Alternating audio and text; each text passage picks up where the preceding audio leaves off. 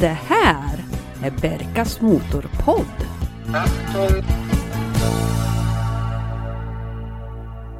Hej och varmt välkomna till dagens avsnitt utav Berkas Motorpodd.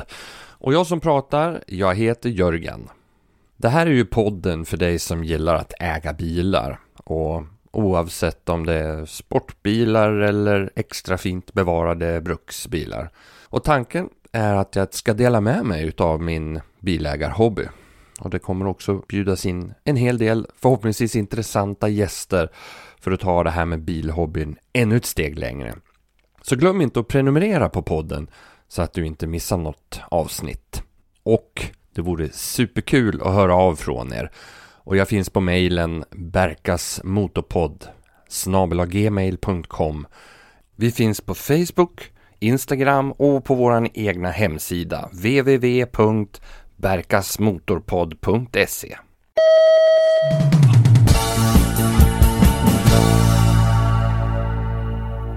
I förra avsnittet så pratade jag om min första bil. Och det var ju en guldmetallic Volvo 1800 ES som köptes som lite grann av ett renoveringsobjekt. Det var ju en hel del rost på den där så den fick ju ny plåt, lack och en ny inredning. Och när allt det där är klart så hamnar man ju i dilemmat om man ska köra med den året om eller om man ska ställa undan den för att den inte ska börja rosta igen. Salt och slask, det är ju inte drömmen för en renoverad entusiastbil. Så jag bestämde mig för att leta reda på en bil som jag kunde använda på vintern. Och det här med vinterbil, det är ju ett kapitel för sig när det handlar om bilägande. Man vill ju ha en billig och driftsäker kärra och eftersom man är entusiast så vill man ju också ha någonting som man tycker om. Och med, som i mitt fall då, en students begränsade budget så började letandet hösten 92. Vi ska ju nu komma ihåg att något internet med tusentals annonser på bilar inte existerade 1992. Så eh, jag var hänvisad till Gula Tidningen, Motorbörsen, lokaltidningar och andra annonsforum. I'm sorry, I'm afraid I can't do that. Så det var ju lite sport att leta reda på bilar på den här tiden. Jag hade fått upp ögonen på en jättesnygg silvergrå Volvo 265 GLE som fanns parkerad utanför en industrifirma i stan. Och efter lite detektivarbete så fick jag fram vem som ägde den. Men tyvärr skulle inte den säljas. Men så, av en händelse så fick min pappa reda på att ett äldre par i stan skulle sälja sin gamla Volvo 244. Så jag passade på att åka upp och hälsa på. Och i garaget, där stod deras pärla. En ljusbärs 244 DL ifrån 1977. Idag en entusiastbil i sig. Något att ta fram en solig sommardag och åka på någon trevlig bilträff med eller kanske en tur till glasskiosken. Men då, på den tiden, då var det fortfarande bruksbilen nummer ett. Den hade en ljusbrun tygklädsel och noll extrautrustning. Det fanns gas, broms, koppling och en ratt. Inte ens intervallläge på torkarna. Elhissar? Nej, nej, nej. AC? Glöm det. Under huven kämpade en förgasarbestyckad B21-motor. Med mindre borrning på 90 hästar tillsammans med en fyrväxlad låda för att få rörelse på kilorna. Motorvägsfart, det var ingen njutning. Men eftersom det inte fanns någon varvräknare så hade man heller inte någon kontakt med verkligheten under huven.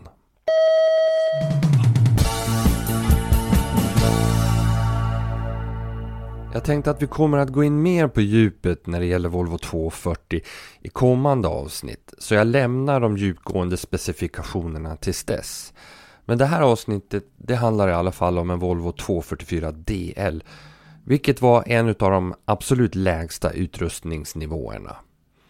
Vi kan ju i alla fall nämna att 240 ju har varit både polisbil, ambulans, limousin och framförallt en riktigt framgångsrik tävlingsbil med bland annat segrar i den europeiska standardvagnsklassen. Racing in the Australian Touring Car Championship and New Zealand's Robbie Francevic. So it's car number 10, Robbie Francevic, in the Volvo 242 Turbo. Robbie Francevic of Auckland comes into the final corner in the Mark Pitch Volvo. Richards closes, but going across the strike to take the checker. It goes to Volvo Power. Second place across the line is going to go Ja, där hörde vi ett klipp ifrån 1986 när Volvo tävlade i en standardvagnsklass i Australien. Skicket var otroligt bra. Den hade ju knappt varit parkerad utomhus någon gång. Och efter varje åktur så hade mannen i familjen spolat av bilen utanför sitt garage. Ett par gånger per år hade dörrarnas insidor och instegen vid trösklarna torkats av med kristallolja. Paret hade ägt bilen sedan den var ny, så självklart var jag intresserad. Till alla er 240-entusiaster. Tänk er en enägarbil från 1977. Som vintersläde. Om jag minns rätt så var priset begärt 12 000 kronor. Men den astronomiska summan kunde inte jag lägga så att jag försökte förhandla. Efter en lång utläggning där fattig student var ett argument så bjöd jag åtta. Man kunde höra en knappnål ramla ner på golvet i fikarummet. Mannen skruvade på sig, men var beredd att sträcka ut handen för ett avslut. När frun bryter in. Jaha, sa hon barskt. Då vet vi. Vi hör av oss. Tack för besöket. Mannen blev lika paff som jag. Och moloket fick jag åka hem utan bil. Och då var klockan strax efter 18 på kvällen. Men två timmar senare så ringde mannen upp igen och berättade att jag skulle få köpa den för mitt bud. Jag drog genast iväg snabbt för att avsluta affären innan frun skulle hinna ångra sig igen.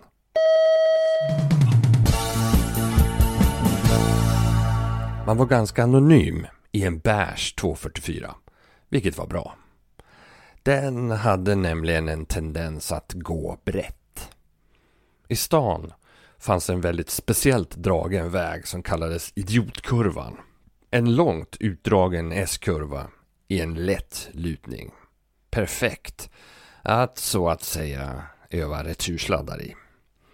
Det var mycket enkelt att styra med gasen och 244 svarade genast på minsta avlyft eller avdrag på gasen. Krängde gjorde den naturligtvis. Det här var ju ingen barnracingbil. Men kallar det ungdomligt oförstånd? Men kul var det. Stolarna i 244 har alltid varit bra. Och en av fördelarna är att jag som är väldigt lång kan vinkla upp framkanten av sitsen och få ett bra stöd under låren. Det är ingen glödhet passion som möter föraren i en snikutrustad 244. Men den gör vad den ska. Och den är bakhjulsdriven. Ingen servo, så det var brottningsmatch och fick parkera. Och instrumenten är en stor hastighetsmätare centrerat och mindre mätare utåt kanterna för tempo och tank. Hade bilen varit extrautrustad med en varvräknare så hade den funnits som en liten klocka i nedre delens mitt. Nu fanns bara en Volvo-logga där. Vad tyckte pressen? Ja, lite siffror då. Håll i er, 0 till 100. 13,5 sekund och en toppfart på 160,7 km i timmen. Ungefär 2,8 miljoner olika Volvo 240 släpptes ut via fabriken. Nypris på gatan 31 900. En av omdömena i pressen var äntligen en snygg Volvo. Det är sällan några problem och bekymmer med en 240. Men det jag kan minnas är att den hade en otrevlig vana att bilda isproppar i bränslesystemet på vintern. Jag fick hålla på att slå i K-sprit varje gång jag tankade. Och eftersom jag aldrig hade råd att fylla fullt så blev det kondens. Även tanklocket frös. Och till slut så fick jag ha en cigarettändare med mig trots att jag inte röker. För att kunna elda på nyckeln för att sedan lirka upp låset när den skulle tankas. Vid ett tillfälle fick jag inte ens upp det på den metoden. Det här locket, det hade frusit ihop fullständigt. Så det slutade med att jag fick soppatorsk precis när jag rullade in hemma på gården. Bilannonsglöd. Eller? Men älskling, vad ska du med den där till? Tittar man lite grann på den stora annonssidan på nätet idag så finns det lite spridning på det här med eh, 240. Söker man på 244 så finns det 78 stycken. Från 5000 spänn till hela 149,9. Söker man på 240 så finns det 153 stycken. Och då är prisintervallet från 2000 till 189,9. Och för de pengarna då får man en vit, otroligt fin GLT från 91 med bara 6470 mil. Söker man på 245, alltså kombin, då hittar man 44 stycken. Bland annat en vit turbo från 85. Den ser fin ut, men den har 86ans dörrlister ner till och en skyport. Och eh, ja, det står att den är fabriksmonterad.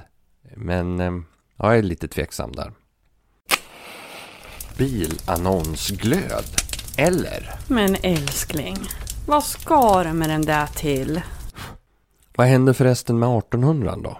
Jo, den sålde jag 1995 till en holländare som åkte tåg upp från Småland där han var på julsemester. Betalade, det gjorde han med en check som hans mammas svenske man hade ställt ut. Och det var några nervösa dagar kan jag säga innan den helgen var över och banken öppnade och betalningen rasslade in på kontot.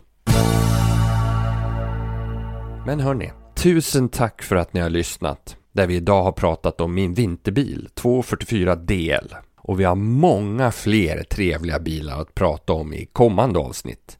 Eller vad sägs om Volvo 240 Turbo, Audi Quattro och Porsche 911? Och glöm nu inte att prenumerera här på podden och hör som sagt gärna av er på berkasmotorpodd gmail.com och vi finns även på Facebook och Instagram. Och tills vi hörs igen, kör så ni trivs! Någonting. Det här är Berkas Motorpodd. Achtung, Bremslichteffekt. Ja, nu håller jag på att det är ett otroligt drag i den här maskinen. Vi ser inte mer än vad ni ser från läktaren, den här tv-bilden bara och det är väldigt svårt att avgöra vad som har hänt. It's one small step for man, Berkas Motorpodd! one giant leap for mankind.